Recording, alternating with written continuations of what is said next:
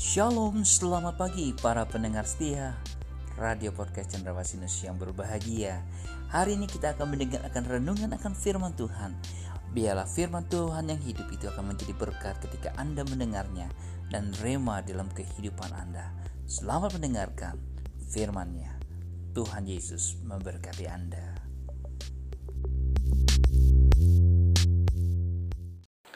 Salam, selamat pagi Bapak Ibu Saudara yang dikasih oleh Tuhan. Apa kabarnya Anda di pagi hari ini? Doa saya Anda dalam keadaan sehat, kuat, dan tentunya tetap bersemangat. Kembali saya Pendeta Samuel sharing kebenaran firman Tuhan. Pagi hari ini saya ambil di dalam Filipi 4 ayat yang 11 dan 12. Demikian firman Tuhan itu. Kukatakan ini bukanlah karena kekurangan, sebab aku telah belajar mencukupkan diri dalam segala keadaan. Aku tahu apa itu kekurangan, dan aku tahu apa itu kelimpahan. Dalam segala hal dan dalam segala perkara, tidak ada sesuatu yang merupakan rahasia bagiku baik dalam hal kenyang maupun dalam hal kelaparan, baik dalam hal kelimpahan maupun dalam hal kekurangan. Haleluya. Tema pagi hari ini yaitu mencukupkan diri. Dari ayat 11 ini akan kita menjumpai bagaimana agar supaya kehidupan saya dan saudara itu tetap bisa memiliki awet muda.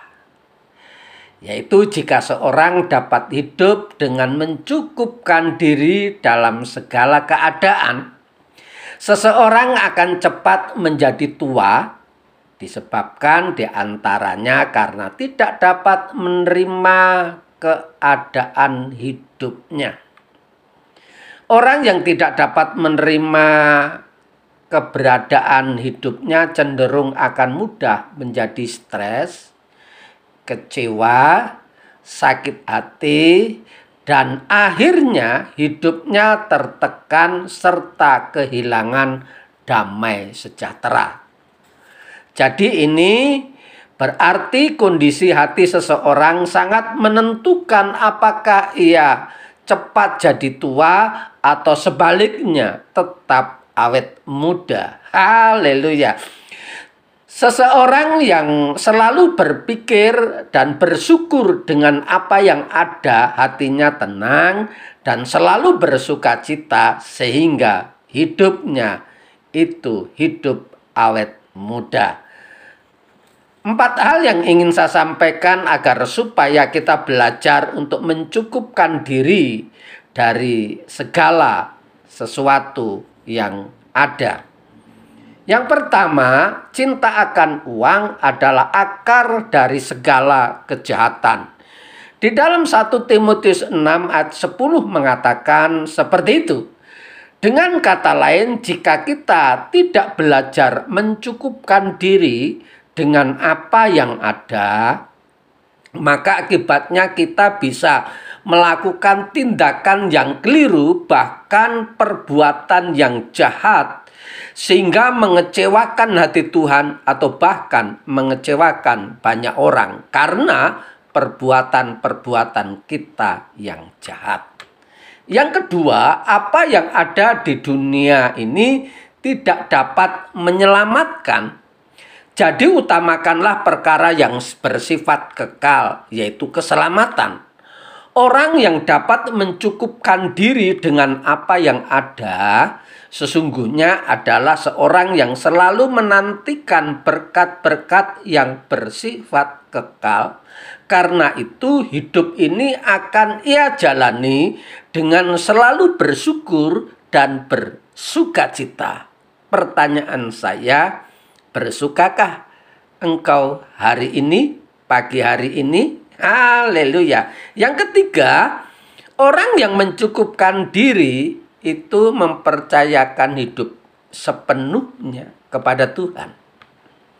Sesungguhnya orang seperti ini selalu merasakan kehadiran Tuhan di dekatnya dan ia hidup tenang karena percaya Tuhan akan mengatur segala-galanya dalam hidupnya. Tetapi lain halnya dengan orang yang selalu merasa kurang. Mereka tidak dapat bersyukur, bahkan menganggap Tuhan itu jauh. Tuhan itu nggak memberkati. Tuhan itu yang membuat dia nggak merasa bahagia. Oleh karena itu Bapak Ibu Saudaraku yang dikasih oleh Tuhan Mari kita belajar untuk mencukupkan diri. Yang terakhir Orang yang tidak mencukupkan diri akan menjadi seorang yang serakah. Seorang yang serakah itu tidak mempunyai tempat di dalam kerajaan Allah.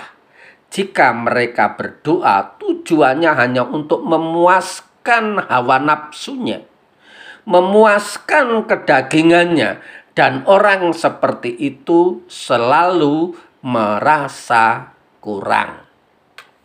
Oleh karena itu, Bapak, Ibu, saudaraku yang dikasih oleh Tuhan, mari kita miliki hati yang selalu bersyukur kepada Tuhan. Sebab, jika tidak, kita bersyukur, maka kesedihan kita dapatkan.